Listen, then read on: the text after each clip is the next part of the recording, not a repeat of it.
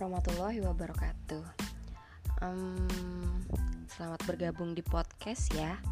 Eits, uh, sebelumnya kenalan dulu nih. Panggil saja saya Ibu Ratih. Uh, gimana ya? Ini sebenarnya sih podcast sejarah, cuman ibu sih pengennya nggak terkesan kayak kita sedang menjelaskan materi gitu. Jadi biar nggak membosankan hmm, gimana kita bikin asik aja. Di sini seolah-olah ibu ingin bercerita saja. Jadi ibu sih pengennya kalian menangkap bahwa ibu sedang men menceritakan sebuah storytelling tentang materi sejarah kepada kalian. Nah, di sini yang akan ibu jelaskan adalah masa prasejarah di Indonesia. Kayaknya sih udah nggak asing lagi ya untuk kelas 10 tuh sudah mulai masuk mapel sejarah yaitu materi zaman prasejarah. Apa sih mm, zaman prasejarah itu uh, gini ya.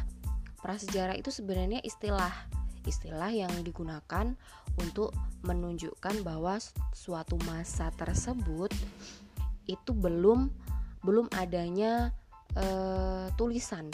Jadi manusia yang hidup pada masa itu mereka semuanya belum mengenal tulisan.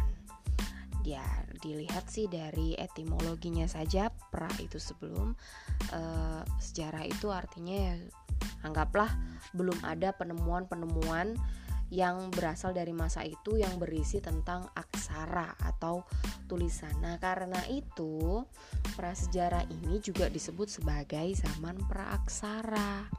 Tapi banyak juga sih yang menyebutnya sebagai zaman batu. Kenapa? Karena manusia yang hidup pada masa prasejarah ini mereka semuanya e, menggunakan peralatan-peralatan yang berasal batu karena memang mereka tuh hidupnya bergantung dengan alam sekali. Jadi baik mereka itu tinggalnya ya di bebatuan alias di gua-gua, kemudian alat-alat atau teknologi yang mereka gunakan untuk membantu kehidupan mereka sehari-hari ya pakai batu. Uh, for example nih, ada kapak. Kapak mereka buatnya dari batu. Kemudian belati, belati juga mereka menggunakannya, uh, membuatnya dari batu juga. Kemudian tombak, mata tombaknya mereka juga ambil dari batu uh, eh mungkin kalian bertanya-tanya lah kok ibu jelasinnya ada tombak ada kapak, ada belati gitu kayak seolah-olah tuh itu benda tajam semua ya, benda-benda buat buat kayak mau melakukan kekerasan gitu. Nggak gitu maksudnya. Karena memang pada masa prasejarah tuh mereka um, ibu yang mereka ini adalah manusia yang hidup pada masa prasejarah ini ya. Mereka tuh hidupnya ya sangat bergantung dengan alam. Jadi mereka hidup berdasarkan apa yang mereka temui di lingkungan mereka. Jadi mereka makan langsung aja tuh yang ada misalnya kayak berburu tuh mereka makan daging. Ya harus berburu dulu, makanya mereka harus menciptakan sebuah alat untuk membantu mereka berburu. Kemudian alat itu juga membantu mereka untuk bagaimana uh, menguliti daging uh, dari hewan hasil buruan mereka. Nah, itu sekilas aja ya yang yang sekarang mau dibahas lebih dalam nih bukan bukan tentang kebudayaannya, tetapi tentang pengertian zaman prasejarah sampai pembagian zaman prasejarah itu. Nah, kepengertiannya tadi sudah Ibu jelaskan bahwa prasejarah ini adalah istilah yang digunakan untuk merujuk kepada masa di mana catatan sejarah yang tertulis itu belum pernah ditemukan. Nah, zaman prasejarah ini juga bisa dikatakan sebagai awal mula terbentuknya alam semesta. Nah, bisa bayangin tuh namanya awal mula belum ada teknologi kayak sekarang gimana mau ketemu TV, handphone, mau ketemu tanaman-tanaman yang bunganya indah-indah kayak sekarang kita temui mawar segala macam pun pada saat itu masih sangat sangat sangat minim malah tidak ada sangat berbeda sekali ya.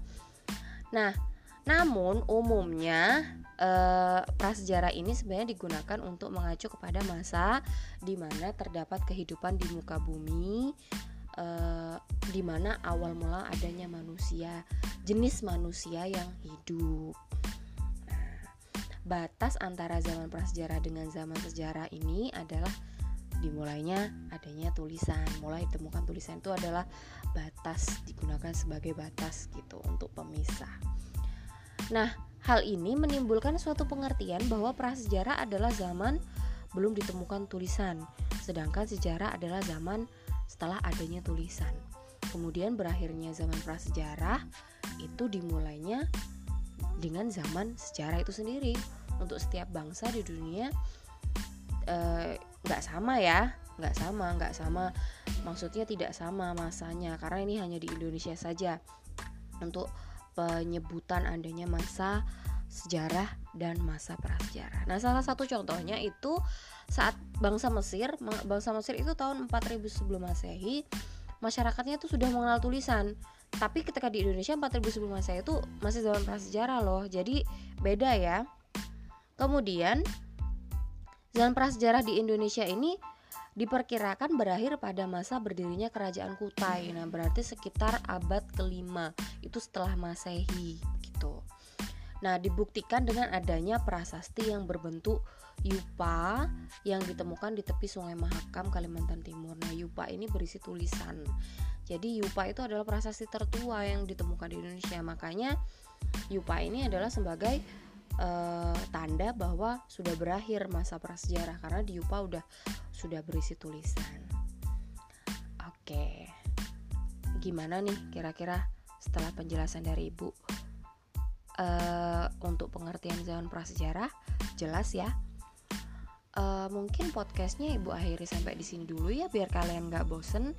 Jadi next ibu akan lanjutkan tentang pembagian zaman di masa prasejarah. Stay tune ya. Jangan lupa kalian harus sering-sering dengerin podcast ini mudah-mudahan nggak mudah-mudahan nggak bosen ya.